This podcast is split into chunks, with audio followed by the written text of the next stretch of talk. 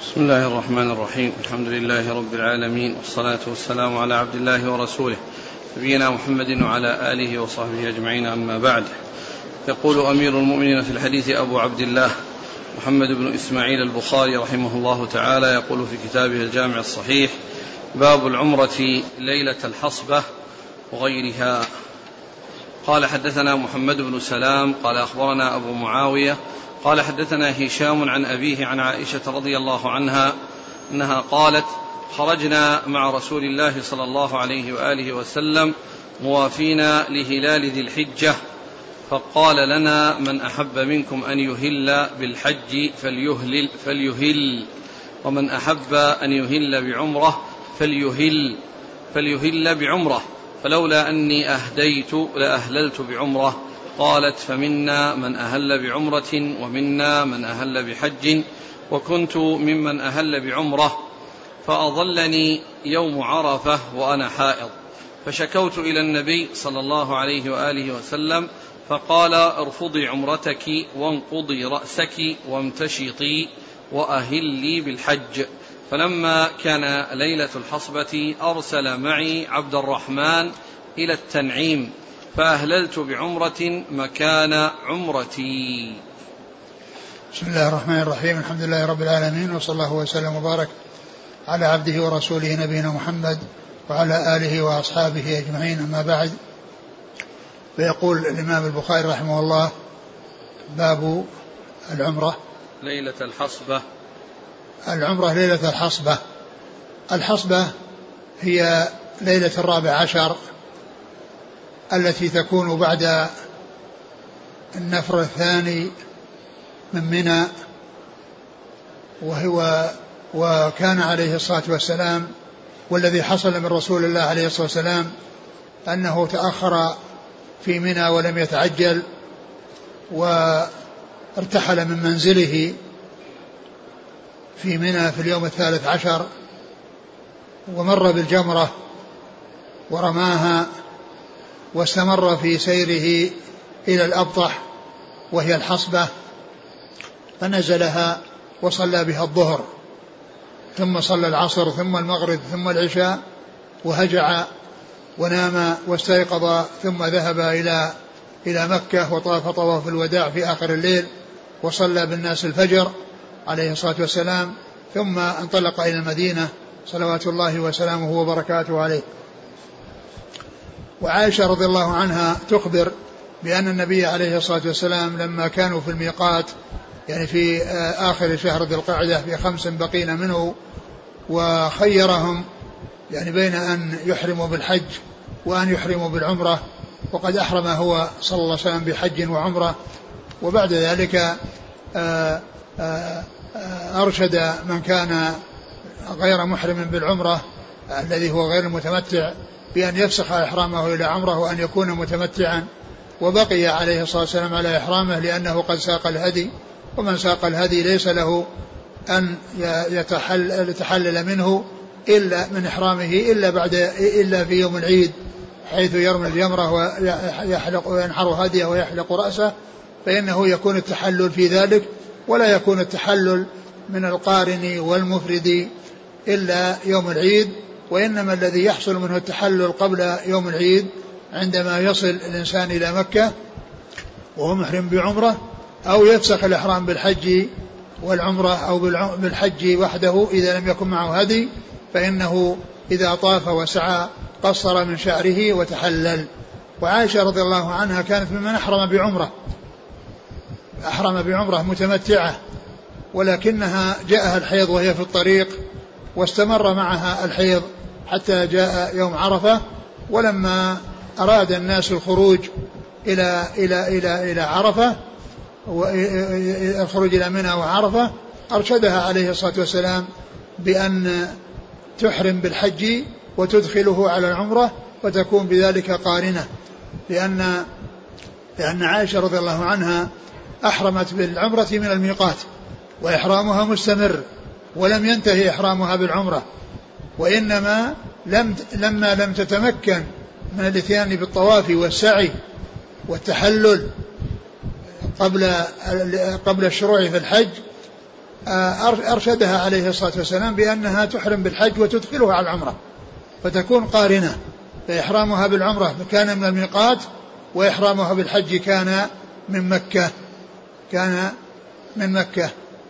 فأرشدها عليه, عليه الصلاة والسلام وقال ارفضي عمرتك وليس معنى رفضها بأنها تلغيها وتبطلها وإنما ترفض أعمالها وتترك أعمالها لأنها لم تتمكن بسبب الحيض لأن أعمال العمرة طواف وسعي والطواف لا يكون إلا من من من, من هو على طهارة والسعي يكون بعده يعني بعد الطواف. فرفض العمرة يعني رفض الأعمال لأن لأنها إذا لم تتمكن من الاتيان بأعمالها وأدخلت الحج على العمرة صارت قارنة.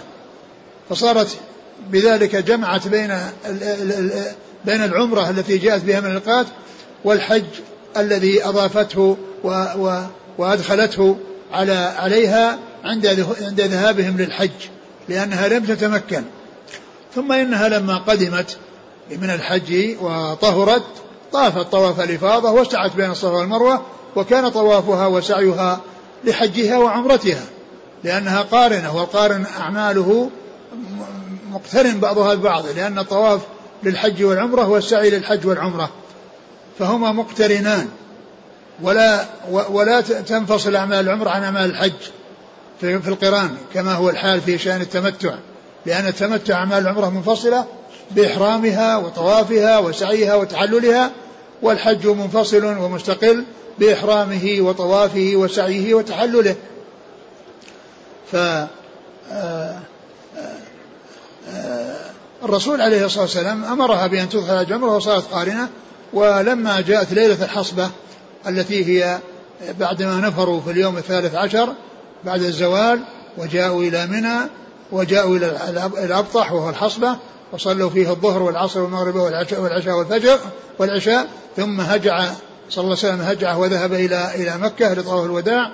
كانت عائشة رضي الله عنها طلبت منه أنها تأتي بعمرة مكان العمرة التي لم تتمكن منها بسبب الحيض والتي فيها طواف وسعي. كما حصل لأمهات المؤمنين اللاتي ما حصل لهن العذر الذي حصل لها فإنها طفنا وسعينا وتحللنا. ثم بعد الحج طفنا وسعينا. فهن وغيرهن من المتمتعين جاءوا بطوافين وسعيين. طواف وسعي مستقل للعمرة وطواف وسعي للحج. وهي لم يحصل منها إلا طواف واحد وسعي واحد. طواف الإفاضة والسعي بعده لحجها وعمرتها. فهي أرادت أن تكون تلك العمرة التي لم تتمكن منها تأتي بعمرة أخرى مكانها حتى تطوف وتسعى ويكون عندها طوافان وسعيان. وهي وهي وهي في الحقيقة تعتبر اعتمرت مرتين.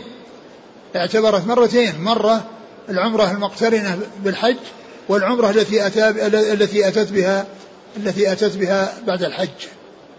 قالت قال حدثنا محمد بن سلام نعم. عن أبي معاوية محمد بن خازم الضرير. عن هشام عن أبيه نعم. هشام بن عروة عن أبيه. عن عائشة. نعم. قال رحمه الله تعالى باب عمرة التنعيم. قال حدثنا علي بن عبد الله قال حدثنا سفيان عن عمرو أنه سمع عمرو بن أوس أن عبد الرحمن بن أبي بكر رضي الله عنهما أخبره أن النبي صلى الله عليه وآله وسلم أمره أن يردف عائشة ويعمرها من التنعيم. قال سفيان مرة سمعت عمرا نعم. وقال؟ قال سفيان مرة سمعت عمرا كم سمعته من عمر. نعم.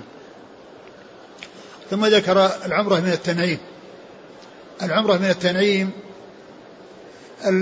ليس المقصود أنه لا يعتمر إلا من التنعيم. لمن كان في مكة فأهل مكة يعتمرون من خارج الحرم من الحل فيجمع في العمرة بين الحل والحرم. يجمع بين في العمرة بين الحل والحرم كما أن الحجاج يجمعون بين الحل والحرم لأنهم يحرمون يعني في مكة ويذهبون إلى عرفة وعرفة من الحل فجمعوا بين الحل والحرم والعمرة فيها الجمع بين الحل والحرم فلا يكون الإحرام بالعمرة من مكة وإنما الإحرام من خارج الحرم. وإنما أرشد النبي صلى الله عليه وسلم أخا عبد الرحمن بن بكر أن يذهب بأخته إلى التنعيم لأنه أقرب مكان من الحل. لأنه أقرب الحل. لأنه قريب. بخلاف بعض الأماكن فإنها تكون بعيدة. والحل والتنعيم هو أقرب الأماكن من الحل إلى إلى الحرم. فهذا هو الوجه الذي جعله يعني يختار التنعيم ويرشدها إلى التنعيم لأنه قريب. وهم يعني وهو صلى الله عليه وسلم يريد منها أن تعتمر وأن تأتي ليسافروا فاختار لها المكان الأقرب. يعني فليس المقصود من ذلك أن العمرة أنها مختصة بالتنعيم وإنما المكي ومن في حكم المكي. إذا أراد بالعمرة وهو في مكة فإنه يخرج إلى خارج الحرم. يعني من أي الجهات؟ لكنه إذا لكنه اختار لها صلى الله عليه وسلم التنعيم لأنه الأقرب. يعني يعني أقرب مكان من الحل الحرم فهذا هو وجه اختياره. وليس المقصود أن العمرة ما تكون إلا من التنعيم للمكيين. فإنهم يخرجون خارج الحرم سواء للتنعيم أو للجعرانة أو لأي مكان من خارج الحرم أو لعرفة. لأن يعني الحرم حدوده بين عرفة ومزدلفة.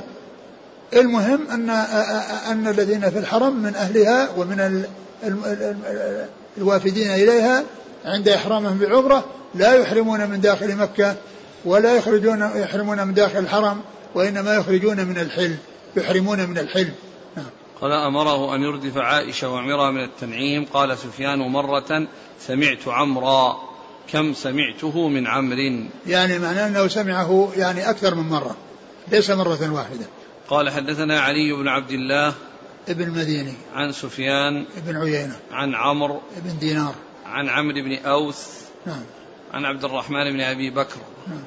قال حدثنا محمد بن المثنى. قال حدثنا عبد الوهاب بن عبد المجيد. عن حبيب المعلم. عن عطاء. قال حدثني جابر بن عبد الله رضي الله عنهما أن النبي صلى الله عليه وآله وسلم أهل وأصحابه بالحج وليس مع أحد منهم هدي غير النبي صلى الله عليه وآله وسلم وطلحة. وكان علي قدم من اليمن ومعه الهدي. فقال أهللت بما أهل به رسول الله صلى الله عليه وآله وسلم. وإن النبي صلى الله عليه وسلم أذن لأصحابه أن يجعلوها عمرة. يطوف بالبيت ثم يقصر ويحل إلا من معه الهدي. فقالوا ننطلق إلى منى وذكر أحدنا يقطر. فبلغ النبي صلى الله عليه وآله وسلم فقال لو استقبلت من أمري ما استدبرت ما أهديت ولولا أن معي الهدي لأحللت وأن عائشة حاضت فنسكت المناسك كلها غير أنها لم تطف بالبيت. قال فلما طهرت وطافت قالت يا رسول الله أتنطلقون بعمرة وحجة وأنطلق بالحج؟ فأمر عبد الرحمن بن أبي بكر أن يخرج معها إلى التنعيم. فاعتمرت بالحج فاعتمرت بعد الحج في ذي الحجة وأن سراقة بن مالك بن جعشم رضي الله عنه لقي النبي صلى الله عليه وآله وسلم وهو بالعقبة وهو يرميها فقال ألكم هذه خاصة يا رسول الله؟ قال لا بل للأبد. ثم ذكر هذا الحديث عن جابر رضي الله عنه وهو يتعلق ب يعني بإحرامه صلى الله عليه وسلم وإحرام معه من ذي الحليفة وأن فيهم المتمتعون والمفردون والقارنون وفيهم من ساق الهدي ومن لم يسق الهدي. فالذين ساقوا الهدي من القارنين والمفردين يبقون على إحرامهم بقوا على إحرامهم إلى يوم العيد. وأما الذين آه، آه، أحرموا بالعمرة فقط وكذلك الذين أحرموا بالحج والعمرة ولم يسوقوا هديا أرشدهم النبي عليه الصلاة والسلام أن يفسخوا إحرامهم من العمرة ويكونوا متمتعين. وإذا طافوا وسعوا قصروا وبقوا على إحرامهم إلى يوم العيد. ولما كان عليه الصلاة والسلام لم يحل من إحرامه وهم يعني حصل منهم فعل يخالف فعل الرسول صلى الله عليه وسلم وهي أنهم استمتعوا وتمتعوا بين بين الانتهاء من العمرة وقبل الشروع بالحج ومما استمتعوا به الجماع. فقالوا يا رسول الله كيف نذهب إلى منى؟ وذكروا أحدنا يقطر يعني أنهم يجامعون النساء بين فراغهم من العمرة وبين دخولهم في الحج. وهو صلى الله عليه وسلم باق على إحرامه. فقال لو استقبلت من أمري ما استدبرت لما سقت الهدي ولولا أني معي الهدي لأحللت ولا جعلته عمرة. فبين عليه الصلاة والسلام أن الذي منعه أن الذي منعه من أن يفعل كما فعلوا من التحلل من الحج والعمرة أو من الحج إلى العمرة يعني بحيث يعني تحولوا من القران والإفراد إلى العمرة قال الذي منعه من ذلك سوق الهدي والذي ساق الهدي لا يحل, يحل من إحرامه حتى يبلغ الهدي محله. وذكر أن الذين ساقوا الهدي رسول الله صلى الله عليه وسلم ومعه آه، وطلحة وجاء في بعض الروايات يعني غير غير طلحة وأن فيه من ذوي الأسار ومن ذوي القوة ذوي اليسار الموسرين الذين يعني معهم يعني عندهم قدرة على الهدي وساقوه وكذلك علي الذي قدم من اليمن ومعه هدي وقد أهل بإحلال بإحرام الرسول صلى الله عليه وسلم وكان الرسول قارنا فأمره أن يبقى على قرانه. وسيأتي أو وسبق أن مضى وكذلك سيأتي أن أبا موسى الأشعري رضي الله عنه قدم وليس معه هدي.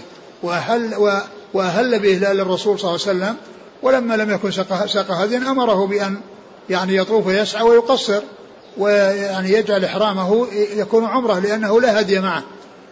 ف وعائشة رضي الله عنها كانت جاءت بعمرة وأدخلت الحج عليها ونسكت المناسك كلها بحيث وقفت بعرفة وباتت مزدلفة وجاءت إلى منى ورمت ويعني قصرت و وطافت يعني طواف الإفاضة وسعت بين الصفا والمروة يعني عملت المناسك كلها. يعني وكان آه، وكانت آه، دخلت بعمرة لم تتمكن منها. وطلبت من النبي صلى الله عليه وسلم أن أن يأذن لها بعمرة أو يرخص لها بعمرة من من يعني من مكة يعني من خارج الحرم تكون مكانة مكان عمرتها السابقة التي لم تتمكن منها بسبب الحيض فأمر أخاها أبا بكر آه، عبد الله عبد الرحمن بن بكر أن يعمرها من التنعيم ففعل ويعني أدت العمرة التي وبذلك حصل لها أنها طافت طوافين وسعت سعيين كما أرادت وكما طلب ذلك من رسول الله صلى الله عليه وسلم.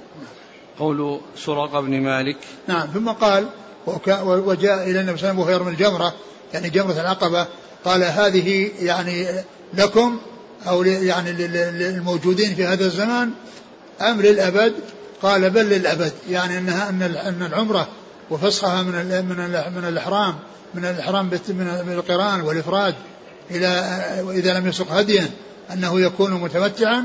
هذا ليس حكما يعني خاصا بذلك الزمان وفي تلك الحجة بل هو حكم مستمر فكل من أحرم بحج أو عمرة أو, إفراد وليس معه هدي فإن المشروع والمطلوب منه أن يفسخ إحرامه إلى إلى عمرة لكن ذلك ليس بواجب وإنما هو مستحب نعم. قال حدثنا محمد بن مثنى نعم. عن عبد الوهاب بن عبد المجيد نعم. عن حبيب المعلم نعم. عن عطاء عن جابر عن جابر بن عبد الله. نعم. قال رحمه الله تعالى باب الاعتمار بعد الحج بغير هدي. قال حدثنا محمد بن المثنى قال حدثنا يحيى قال حدثنا هشام. قال أخبرني أبي قال أخبرتني عائشة رضي الله عنها أنها قالت خرجنا مع رسول الله صلى الله عليه وآله وسلم موافين لهلال ذي الحجة. فقال رسول الله صلى الله عليه وسلم من أحب أن يهل بعمرة فليهل ومن أحب أن يهل بحجة فليهل ولولا أني أهديت لأهللت لا ولولا أني أهديت لأهللت بعمرة. فمنهم من أهل بعمرة ومنهم من أهل بحجة وكنت ممن أهل بعمرة فحضت قبل أن أدخل مكة فأدركني يوم عرفة وأنا حائض. فشكوت إلى رسول الله صلى الله عليه وسلم فقال دعي عمرتك وانقضي رأسك وامتشطي وأهلي بالحج. ففعلت فلما كانت ليلة الحصبة أرسل معي عبد الرحمن إلى التنعيم فأردفها فأهلت بعمرة مكان عمرتها فقضى الله حجها وعمرتها ولم يكن في شيء من ذلك هدي ولا صدقة ولا صوم. ثم ذكر يعني باب الاتيان بعمرة يعني بعد الحج من من غير من غير هدي. نعم. باب الاعتمار بعد الحج بغير هدي. الاعتمار بعد الحج من غير هدي. الهدي يكون لمن أتى بالحج آه، والعمرة قارنا أو أتى بها متمتعا بأن أتى بالعمرة قبل الحج وطاف وسعى وتحلل أو دخل في الحج والعمرة و أو دخل في الحج ومعه الهدي فإنه يبقى على إحرامه إلى يوم العيد. يبقى على إحرامه إلى يوم العيد وليس له أن يتحلل لأنه ساق لأنه ساق الهدي. وال والهدي لازم للقارن والمتمتع. والقرآن يقال له تمتع لأن فيه آه، الاتيان بنسكين في سفر واحد فهذا يعتبر تمتع. ولهذا وجب القران وجب الهدي على القارن وعلى المتمتع. وأما من أتى بالحج أو أتى يعني يعني بالحج والعمرة ثم أتى بعمرة بعد الحج العمرة بعد الحج ليس لها هدي وليس هناك صيام وليس هناك إطعام وإنما الصيام وإنما الهدي لمن كان متمتعا أو قارنا. أما من أتى بعمرة بعد الحج هذه العمرة بعد الحج لا لا يجب فيها لا صيام ولا إطعام ولا, ولا هدي. يعني ليس لا يجب فيها شيء لأن عائشة رضي الله عنها ما وجب عليها شيء بهذه العمرة التي فعلتها بعد الحج شيء ولكنه وجب عليها الهدي من أجل أنها كانت قارنة. وقد الرسول صلى الله عليه وسلم يعني يعني يعني أهدى لأصحاب لزوجاته البقر كما سبق أن مر بنا. وعائشة ممن ممن أهدي لهن لأنها تعتبر قارنة وبقية زوجات كن متمتعات. والهدي لازم للقارن والمتمتع. لازم للقارن والمتمتع. فإذا هذه العمرة التي جاءت بعد الحج وهي تعتبر عمرة ثانية بالنسبة لها. لأنها معتمرة مع حجها ومعتمرة عمرة مستقلة بعد الحج. هذه العمرة اللي بعد الحج ليس لا يترتب عليها. لا لا هدي ولا صيام ولا إطعام وإنما يعني آه كالعمرة التي تكون في أثناء السنة والتي لا علاقة لها بالحج فإنه لا هدي فيها لا هدي فيها ولا صيام ولا إطعام. قال حدثنا محمد بن المثنى عن يحيى القطان. عن هشام عن أبيه عن عائشة. نعم. قال رحمه الله تعالى باب أجر العمرة على قدر النصب. قال حدثنا مسدد قال حدثنا يحيى بن زريع قال حدثنا ابن عون عن القاسم بن محمد وعن ابن عون عن إبراهيم عن الأسود قال قالت عائشة رضي الله عنها يا رسول الله يصدر الناس بنسكين وأصدر بنسك فقيل لها انتظري فإذا طهرت فاخرجي إلى التنعيم فاهلي ثم أتينا بمكان كذا ولكنها على قدر نفقتك على قدر نفقتك أو نصبك. ثم قال إيش؟ باب العمرة. أجر العمرة على قدر النصب. أجر العمرة على قدر النصب. يعني أن أن العمرة يعني إذا كانت من مسافة بعيدة ففيها نصب وفيها زيادة أجر. وإذا كانت قريبة يعني فلها أجر على قدر النصب. وليس كل العمر من جميع الجهات. يكون الأجر فيها واحد فإنه كلما كان المكان أبعد فإنه يعني يكون أفضل فيه زيادة الأجر لأن الأجر على قدر النصب. فالذي يأتي من ذي الحليفة يعني عنده زيادة أجر لأن هذه المسافة التي هي زائدة على غيرها هو يؤجر عليها لأنه محرم ويلبي. يعني تسعة أيام كان يعني يمشون من المدينة يعني غيرها أقرب منها. لكن يعني العمر كلها حاصلة وكل أدى عمرة لكن ليست العمر على حد سواء. من تعب وتكلف وأتى يعني من من من, من الميقات الذي هو أبعد لا شك أنه عنده زيادة أجر. وكذلك أيضا بالنسبة للحرم بالنسبة للحرم فإن الذي يخرج إلى مكان قريب يعني أقل ممن يخرج إلى مكان بعيد خارج الحرم لأن المسافة التي يقطعها والمسافة التي كان يلبي بها يعني عند له فيها زيادة أجر. يعني ف يعني فال فعائشة رضي الله عنها لما طلبت أنها تعتمر يعني بعد الحج وأذن لها وقال أجرك على قدر نفقتي نفقتك أو على قدر نصبك.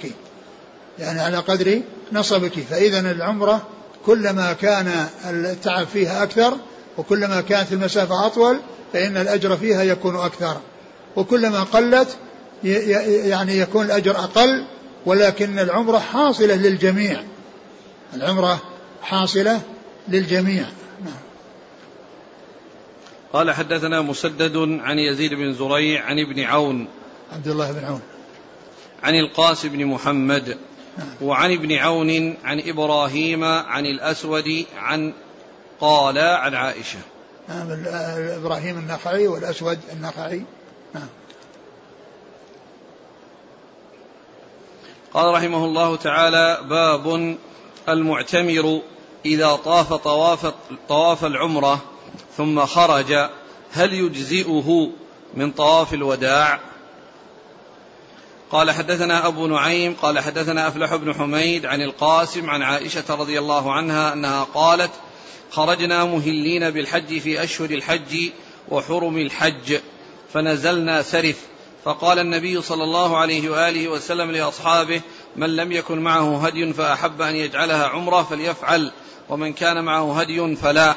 وكان مع النبي صلى الله عليه وآله وسلم ورجال من أصحابه ذوي قوة الهدي. فلم تكن لهم عمرة فدخل علي النبي صلى الله عليه وآله وسلم وأنا أبكي فقال ما يبكيك؟ قلت سمعتك تقول لأصحابك ما قلت. فمنعت العمرة.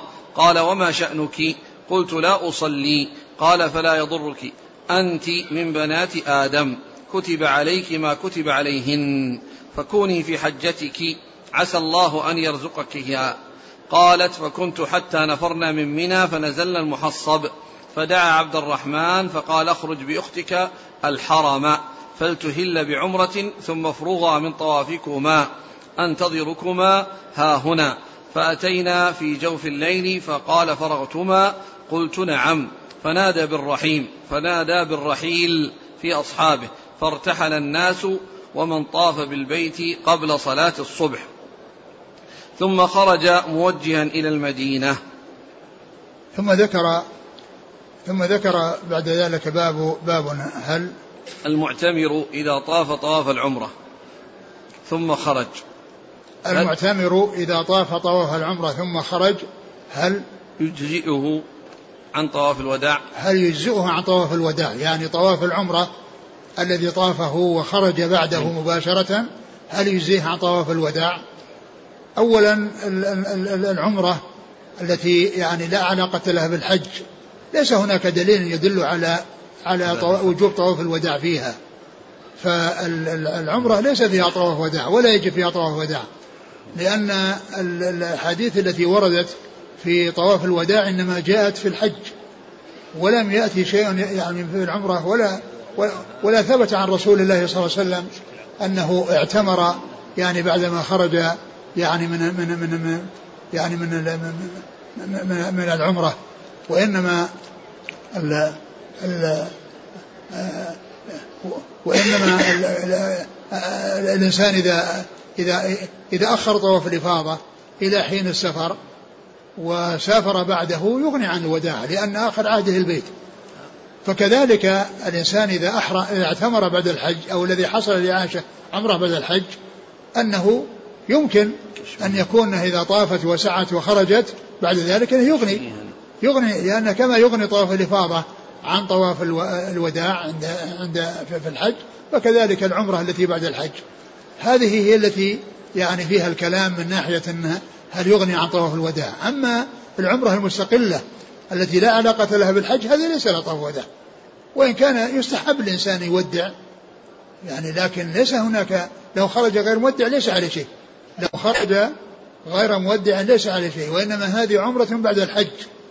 وسفرة الحج يعني موجودة والإنسان لا يغادر مكة وهو حاج إلا وقد ودع فإذا كان طاف للعمرة وسعى وخرج بعدها يعني هل يجزيه أو لا يجزيه؟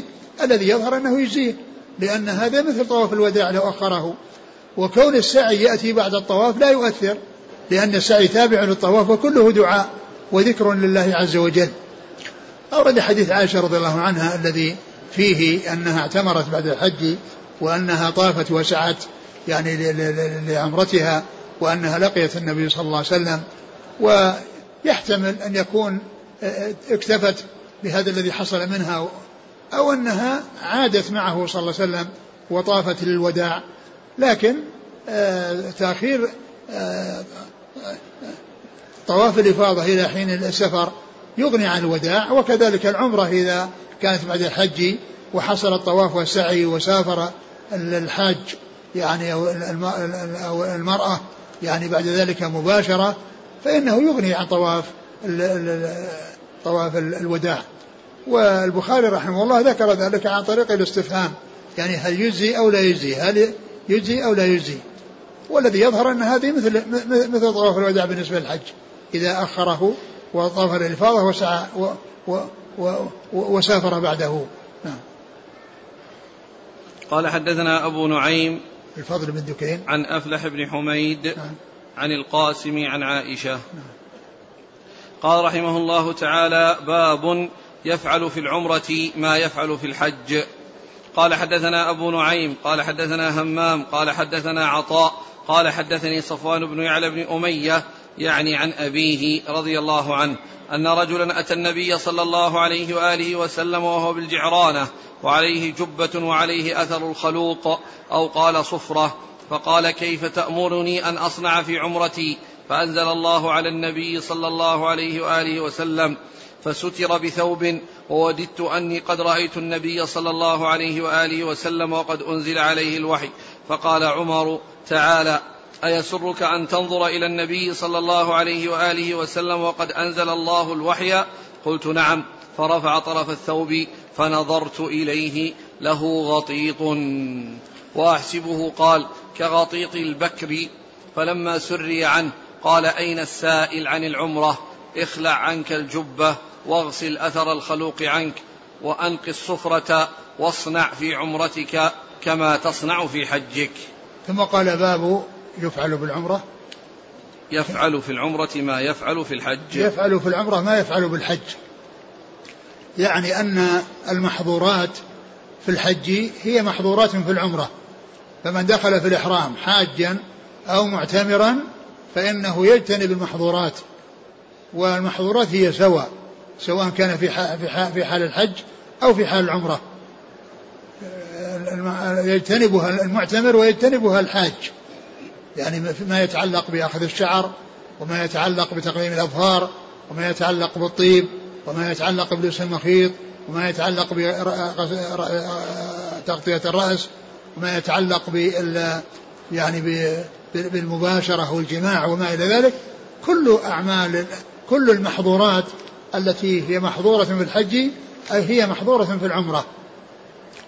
والنبي صلى الله عليه وسلم جاءه رجل بالجعرانة وقد وعليه جبة وقد تغمخ بالطيب وسأل النبي صلى الله عليه وسلم فالرسول عليه الصلاة والسلام لم يجبه وأنزل الله عليه الوحي وبعدما سري عنه بعد الشدة التي تحصل له عند نزول الوحي عليه صلى الله عليه وسلم سأل عن الرجل فقال انزع عنك الجبة يعني لأن المحرم لا يلبس بالعمرة وكذلك في الحج لا يلبس المخيط ولا يلبس اللباس المعتاد لا قميص ولا جبة ولا يعني سراويل ولا يعني الفنايل ولا أي شيء يعني يمنع منه المحرم يعني في في في حجه يمنع منه المعتمر في عمرته. فالرسول عليه الصلاة والسلام قال انزع عنك الجبة لأنها مخيط ولأنه لباس معتاد من الألبسة ليس إزارا ورداء. واغسل عنك الطيب يعني الذي كان الذي كان عليه. ولعل هذا أنه كان يعني أنه حصل منه بعد بعد الإحرام. لأن الطيب قبل الإحرام وكونه يعني يصير آه، تبقى آثاره عليه إلا أن الشيء الذي فيه يعني آه، لون يعني الطيب كالزعفران والورص يعني لا لا يستعمله الإنسان. وإنما الطيب الذي يكون على الإنسان قبل أن يحرم هذا لا, لا بأس ببقائه عليه في جسده لا في ثيابه. ويجوز في الاستدامة ما لا يجوز في الابتداء. وأما كون الإنسان يتطيب في أثناء إحرامه سواء في حج أو عمرة فإنه لا لا يجوز. فإنه قال له انزع عنك الجبة وأغسل عنك أثر الطيب وافعل في عمرتك ما تفعل في حجك. يعني الأشياء التي تجتنبها في حجك اجتنبها في عمرتك.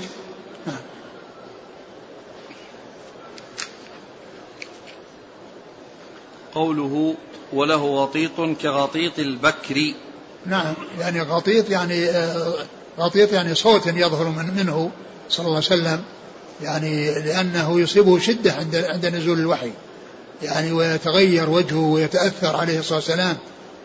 نعم. كغطيط البكر. البكر هو البكر من من الإبل. نعم. قال حدثنا أبو نعيم عن همام بن يحيى. عن عطاء عن صفوان بن يعلى بن أمية نعم. عن أبيه. نعم. قال حدثنا عبد الله بن يوسف قال أخبرنا مالك عن هشام بن عروة عن أبيه أنه قال قلت لعائشة رضي الله عنها زوج النبي صلى الله عليه وآله وسلم وأنا يومئذ حديث السن أرأيت قول الله تبارك وتعالى إن الصفا والمروة من شعائر الله فمن حج البيت أو اعتمر فلا جناح عليه أن يطوف بهما فلا أرى على أحد شيئا ألا يطوف بهما فقالت عائشة كلا لو كانت كما تقول كانت فلا جناح عليه ألا يطوف بهما. إنما أنزلت هذه الآية في الأنصار. كانوا يهلون كانوا يهلون لمناه وكانت مناة حذو قديد. وكانوا يتحرجون أن يطوفوا بين الصفا والمروة. فلما جاء الإسلام سألوا رسول الله صلى الله عليه وآله وسلم عن ذلك. فأنزل الله تعالى إن الصفا والمروة من شعائر الله فمن حج البيت أو اعتمر فلا جناح عليه أن يطوف بهما. زاد سفيان وأبو معاوية عن هشام ما أتم الله حج حج امرئ ولا عمرته لم يطف بين الصفا والمروة. ثم ذكر هذا الحديث عن عائشة رضي الله عنها وأن عروة بن الزبير يعني الذي يعني هي خالته قال لها وكنت قال وكنت حديث السن يعني إن الله عز وجل يقول إن الصفا والمروه من شعائر الله فإن حج حج البيت فلا جناح أن يطوف بهما. قال ان ان أنه يفهم منها أنه لا جناح عليه أن لا يطوف بهما. يعني معناه أنه ما يطوف.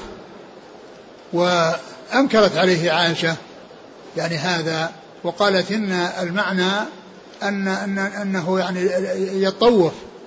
وليس معنى ذلك أنه لا يطوف لأنه لو كان المقصود كما يقول قال فلا جناح عليه الا يطوف بهم وإنما قال يعني فلا جناح عليه ان يطوف بهما فإنه يعني يطوف ولا ولا جناح عليه. وبينت السبب وأنهم كانوا في الجاهلية يهلون لمنات وأنهم يعني يستنكرون أو يعني لا يحبون أن يسعوا بين الصفا والمروة ف ويتحرجون من ذلك فأنزل الله عز وجل هذه الآية. وقول آه، عروة بن الزبير وكنت حديث السن. هذا يبين أن حداثة السن قد يكون فيها خطأ وقد يكون معها خطأ في الفهم. ولهذا فإن بعض الشباب الذين يعني يفهمون فهوما خاطئة ويركبون رؤوسهم يعني في الشيء الذي فهموه ولا يرجعون إلى أهل العلم فإنهم يقعون في, في, في, في يعني في فيما يعود عليهم بالضرر ويعود عليهم وعلى غيرهم بالضرر. لأن لأنه قال كنت حديث السن هذا اعتذار يعني لكونه قال هذه المقالة وأنه فهم هذا الفهم. وقد جاء في الخوارج أنهم حدثاء حدثاء حدثاء الأسنان يعني آه، سفاه الأحلام. يعني يعني أنهم يعني أسنانهم صغيرة وأنهم ليسوا كبار. يعني فها فحداثة السن يعني آه، يقع الإنسان فيها بفهوم خاطئة ويعني يقع في أمور محذورة ولهذا آه، اعتذر أو قدم بين يدي تحديثه بهذا الحديث أنه كان حديث السن وأن هذا هو الذي جعله يفهم هذا الفهم الخاطئ لأنه ما رجع إلى أهل العلم وما رجع إلى عائشة وما رجع إلى غيرها. ثم أن المصنف ذكر هذا الذي فيه الحج والعمرة وأن الحاج والمعتمر يطوف بين الصفا والمروة ويسعى بين الصفا والمروة. يعني لبيان أن الأعمال آه، في الحج والعمرة واحدة. يعني فيما يتعلق بالأمور التي آه، تجتنب. يعني في في الحج فإنها تجتنب في في العمرة. نعم. قال حدثنا عبد الله بن يوسف عن مالك عن هشام بن عروة عن أبيه عن عائشة. وزاد سفيان وأبو معاوية عن هشام. قال رحمه الله تعالى باب متى يحل المعتمر. وقال عطاء عن جابر رضي الله عنه أمر النبي صلى الله عليه وآله وسلم اصحابه أن يجعلوها عمرة ويطوفوا ثم يقصروا ويحلوا. قال حدثنا إسحاق بن إبراهيم عن جرير عن إسماعيل عن عبد الله بن أبي أوفى رضي الله عنه أنه قال اعتمر رسول الله صلى الله عليه وآله وسلم واعتمرنا معه. فلما دخل مكة طاف وطفنا معه وأتى الصفا والمروة وأتيناها معه. وكنا نستره من أهل مكة أن يرميه أحد. فقال له صاحب لي أكان دخل الكعبة؟ قال لا. قال فحدث قال فحدثنا ما قال لخديجة. قال بشروا خديجة ببيت من الجنة من قصب لا صخب فيه ولا نصب. ثم قال باب. متى يحل المعتمر؟ متى يحل المعتمر؟ المعتمر يحصل منه الإحلال إذا طاف بالبيت وسعى بين الصفا والمروة وقصر رأسه أو حلقه فعند ذلك يحصل التحلل. هذا هو تحلل المعتمر. المعتمر إذا أتى بأعمال العمرة من الطواف والسعي والحلق أو التقصير عند ذلك يتحلل ولا يتحلل قبل ذلك. لا يتحلل قبل يعني قبل أن يطوف ويسعى الذي هو آخر يعني أعمال العمرة ويأتي بالحلق أو التقصير بعده فعند ذلك يحصل عند ذلك يحصل التحلل. ثم ذكر الحديث عن عن أولا قال عطاء عن جابر أمر أن يجعلوها عمرة ويطوف ثم يقصر ويحل يعني ذكر حديث ذكر هذا الحديث أشار إليه وقد يعني وقد جاء يعني موصولا وهو أن أن الذين أرشدهم النبي صلى الله عليه وسلم بأن يفسخوا إحرامهم إلى عمرة أنهم يطوفوا ويسعوا ويقصروا. أنهم يطوفوا ويسعوا ويقصروا. وكذلك الذين جاءوا يعني بعمرة ابتداء فإنهم يطوفون ويسعون ويقصرون. نعم. حديث عبد الله بن أبي أوفى قال اعتمر صلى الله عليه وسلم واعتمرنا معه فلما دخل مكة طاف وطفنا معه وأتى الصفا والمروة وأتينا معه وكنا نستره من أهل مكة أن يرميه أحد. وهذا كان في عمرة القضاء عمرة القضاء التي هي في السنة السابعة لأنه صلى الله عليه وسلم يعني جاء في السنة السابعة وطاف بالبيت وسعى بين الصفا والمروة وتحلل وكانوا يسترونه عن أهل عن الكفار يعني لا يصيبونه بأذى يعني في وذلك في آه، تلك العمرة التي هي في السنة السابعة والتي هي عمرة القضاء المقاضاة والاتفاق والمصالحة التي كانت بينه صلى الله عليه وسلم وبين كفار قريش أن يأتي في العام القادم يعني في السنة السابعة فجاء في ذي القعدة وطاف وسعى وقصر. وهنا أو بين أن المعتمر إنما يعني ساق الحديث ليبين أن التحلل من للمعتمر إنما يكون بعد الطواف والسعي وأيضا التقصير. نعم. فقال له صاحب لي أكان دخل الكعبة؟ قال لا. وسئل يعني هل دخل الكعبة يعني في تلك العمرة لعمرة القضاء؟ قال لا. والرسول صلى الله عليه وسلم إنما دخل الكعبة في عام الفتح. نعم. قال فحدثنا ما قال لخديجة.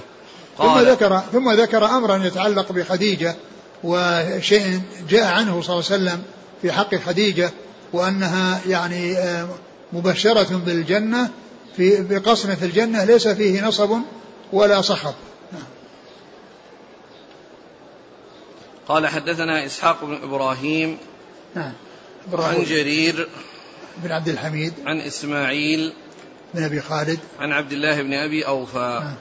قال حدثنا الحميدي قال حدثنا سفيان عن عمرو بن دينار قال سألنا ابن عمر رضي الله عنهما عن رجل طاف بالبيت في عمرة ولم يطف بين الصفا والمروة أيأتي امرأته؟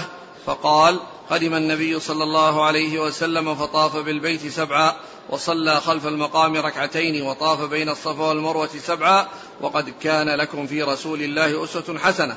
قال وسألنا جابر بن عبد الله رضي الله عنهما فقال لا يقربنها حتى يطوف بين الصفا والمروة.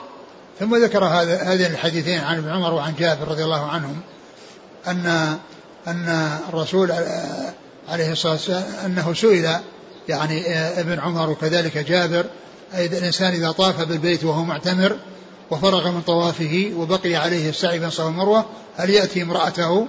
فذكر الحديث اللي هو الذي هو ابن عمر وقال إن الرسول فعل كذا وكذا طاف بالبيت وسعى بين الصفا والمروه وقد كان لكم في رسول الله أسوة حسنة. يعني أنه ليس له أن يتحلل من إحرامه إلا بعد الطواف والسعي. وكذلك التقصير يعني يقصر فيصير حلالا بذلك. وكذلك سئل جابر فقال لا يقربنها يعني حتى يفرغ من عمرته حتى حتى, حتى يطوف بين الصفا والمروة. حتى يطوف بين الصفا والمروة.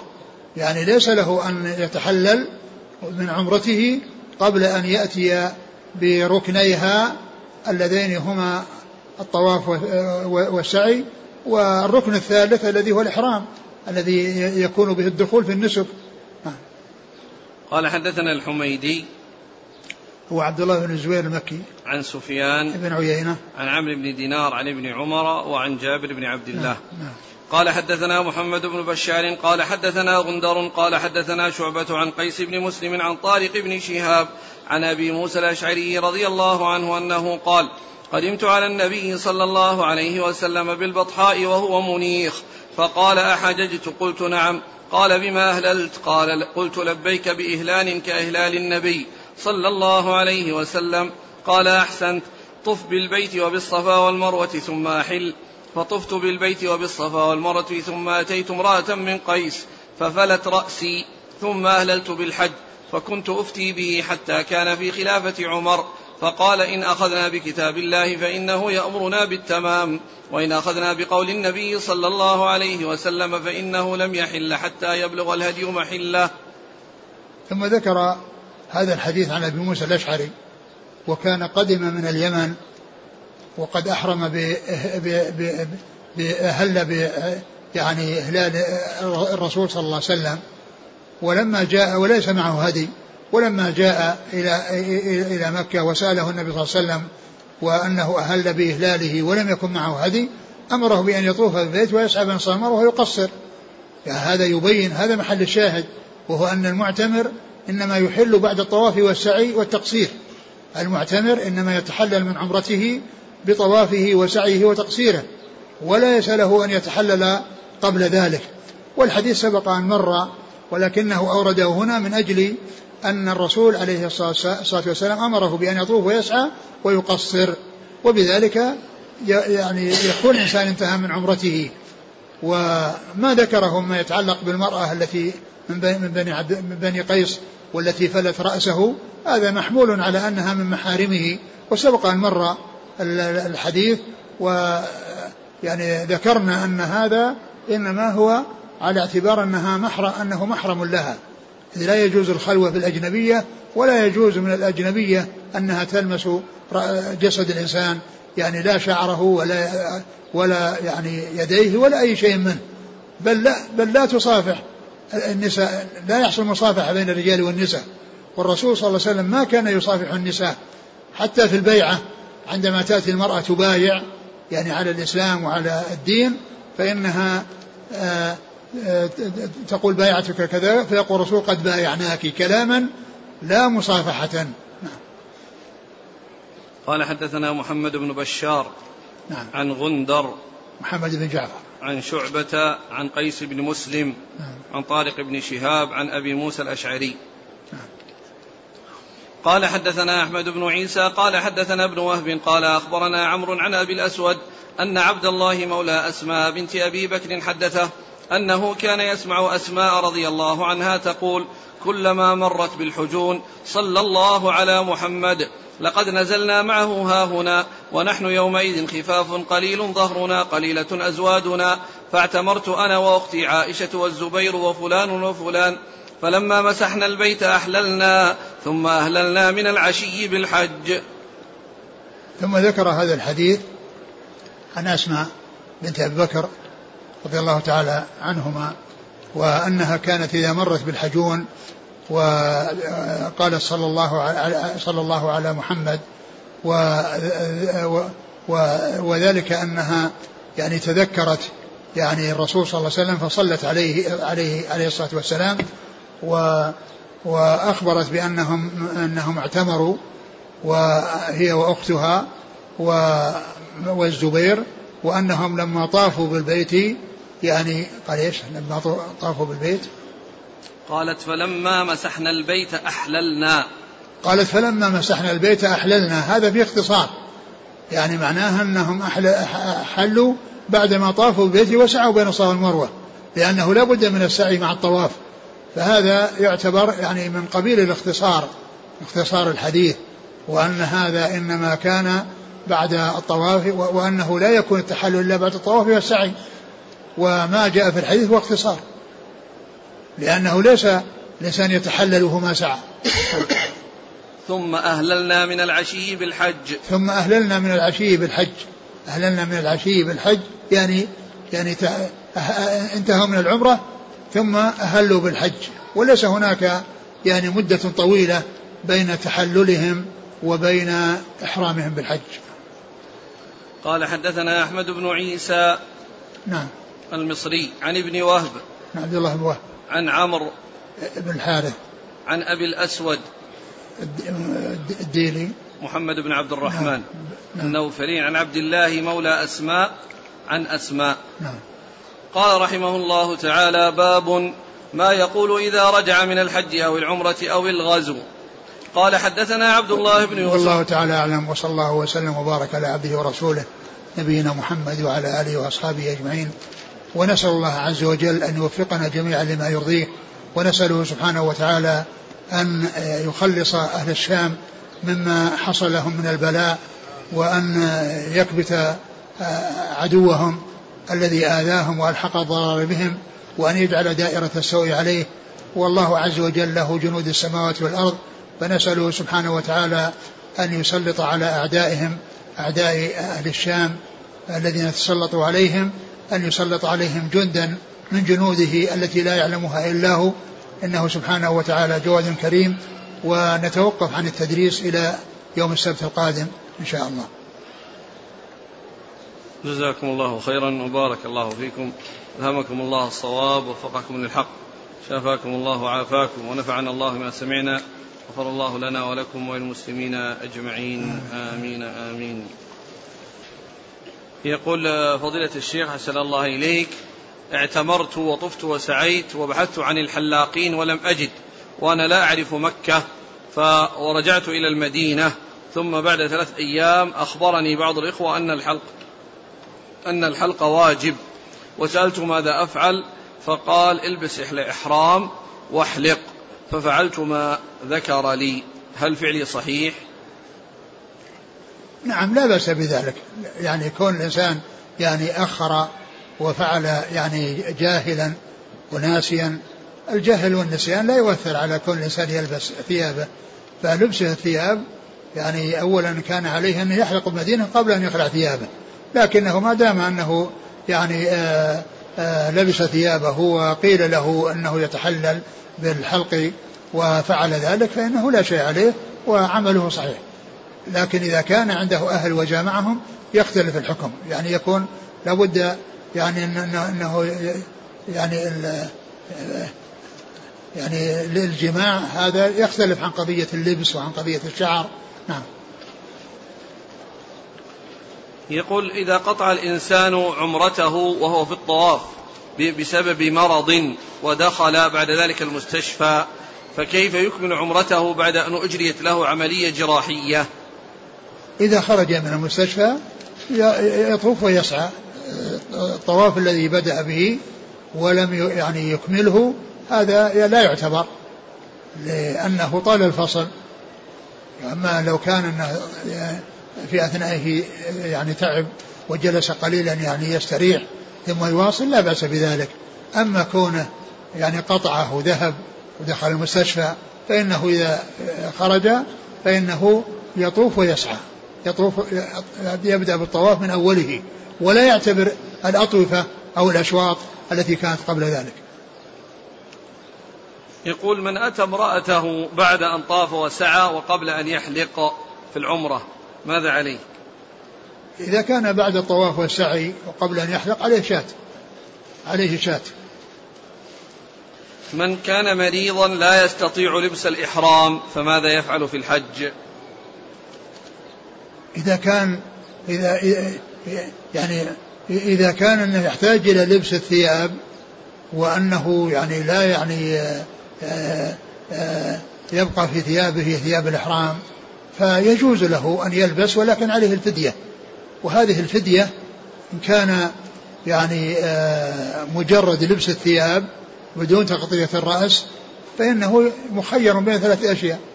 يعني يصوم ثلاثة أيام ويطعم ستة مساكين ويذبح شاة. وإن فعل الاثنين فإنه يفعل يعني الجزاء مرتين. يعني لتغطية الرأس جزاء وللبس المخيط جزاء. نعم. يقول هل تجوز مصافحة المرأة خاصة إذا كانت كبيرة واليد مغطاة بقماش أو بقفاز؟ ليس الإنسان يصافح النساء لا يعني بحائل ولا من وراء حائل الرسول صلى الله عليه وسلم ما أرشد النساء إلى أنهن يلبسن يعني قفافيز أو يلبسن شيء من أجل يصافحهن وإنما ترك مصافحتهن واكتفى بقوله قد بايعناك يقول شخص ذهب للعمرة في رمضان وأفطر فهل يجوز له أن يجامع أهله بعد الفراغ من العمرة؟ أعيد السؤال. ذهب إلى العمرة في رمضان وكان مفطرا فهل يجوز له أن يجامع بعد انتهاء من عمرته؟ يعني هذا الزمان فيما يتعلق بالأسفار. الحقيقة لا فرق بين المسافر وبين المقيم لأن السفر يكون يعني أربع ساعات أو خمس ساعات وانتهاز الفرصة والوقت وعدم تحمل الدين لا شك أن هذا هذا هو الأولى. فالذي ينبغي الإنسان أن أن يبتعد عن هذا وأن يعني يكون في حال سفره يعني للعمرة أو لغيرها من الأسفار التي يعني هي قصيرة. والتي يعني يكون فيها المدة يعني يسيرة جدا الإنسان أن يسلم من هذا الشيء وألا يهون على نفسه يستهين بأمر الصيام وأمر ال ال كونه يعني يترخص يعني والأمر في ذلك مع أنه جائز الترخص لكن كل إنسان يعني يصير مع الناس ويسلم من كونه يعني يأكل ويجامع بأنه يصوم يعني بأنه يصوم وأن يكون مع الناس لا شك أنه هو الذي أولى. أنا ما يعني أؤيد أن الناس يفطرون من أجل أنهم يتمتعون بأنواع المتع من يعني من أكل وشرب وجماع. يقول ما رأيكم في من يقول بأنه لا يجب المبيت بمزدلفة وأنه يكفي البقاء بها قدر تجهيز الراحلة وأن هذا قول منسوب للإمام مالك؟ المبيت بمزدلفة فيه ثلاثة أقوال. منهم من قال أنه ركن من أركان الحج كالوقوف بعرفة لا يتم الحج إلا به. ومنهم من قال إنه واجب يجبر بدم. ومنهم من قال إنه مستحب. والأوضح هو القول الأوسط الذي فيه أنه واجب يجبر بدم. أنه واجب يجبر بدم. والدليل على ذلك أن الرسول عليه الصلاة والسلام آه، رخص للضعفة أن ينصرفوا آخر الليل. والترخيص إنما يكون لأمر واجب. الترخيص إنما يكون لأمر واجب. فالذي يعني يظهر من حيث الدليل أنه ليس بركن ولا مستحب وإنما هو واجب من تركه عليه دم ينقل ابن حجر في الفتح عن صاحب الهدي. فما المراد؟ المراد ابن القيم اللي هو كتاب زاد المعاد في هدي خير العباد. يعني يقال له الهدي اختصارا. كتاب زاد المعاد في هدي خير العباد يعني يعبر عنه بكتاب الهدي اختصارا. لماذا لم يذكر البخاري حديث جابر الطويل الذي ذكره مسلم؟ لأنه آه، يعني آه، فيه من هو ليس على شرطه. لأن في إسناده من, من, من ليس على شرطه. لأن لأن آه هذا اللي هو جعفر بن محمد بن محمد بن علي هذا روى له في الأدب المفرد ما روى عنه في الصحيح. يقول أنا طالب في الجامعة وأحتاج إلى بعض المال حيث ما يأتيني من الجامعة المكافأة لا تكفيني. فهل إذا طلبت من أهلي مالا أدخل في المسألة المذمومة؟ أهلك كون أهلك يرسلون لك يعني أبوك أو أمك يعني هذا لا يقال له مسألة. كونك تطلب من أبيك؟ ليس هذا. أبوك يعني إذا إذا ساعدك وطلبت منه يعني هذا لا يدخل تحت المسألة. المسألة كونك تسأل الناس. وأما تطلب من أبوك ما يقال هذا مسألة. وهل يقال هذه مسألة مذمومة. وهل يجوز أن أعمل حتى لا أسأل أحدا علما بأنه مكتوب على إقامتي غير مصرح له بالعمل؟ اسمع وأطع. إذا قيل لك لا تعمل لا تعمل. ويعني إذا كان أنت واحد من أمم كثيرة يعني لست يعني وحدك يعني فيه طلاب معك كثيرون جدا فصر مثلهم. يقول ما حكم الجهاد في سوريا؟ هل يجوز لي أن أذهب للجهاد؟ أهل سوريا هم بحاقة في الحقيقة بحاجة إلى الدعاء لهم وأن يحرص الإنسان على الدعاء لهم. أما قضية يعني كل إنسان يذهب يعني فما ما هي القضية؟ قضية نقص يعني أناس حتى تروح تزيد. ف يعني ف ويخشى أن يكون يعني الذهاب مثل الجماعة اللي ذهبوا للعراق وحصل منهم الشر وحصل منهم الفساد. جزاكم الله خيرا. سبحانك اللهم وبحمدك نشهد أن لا إله إلا أنت نستغفرك ونتوب إليك.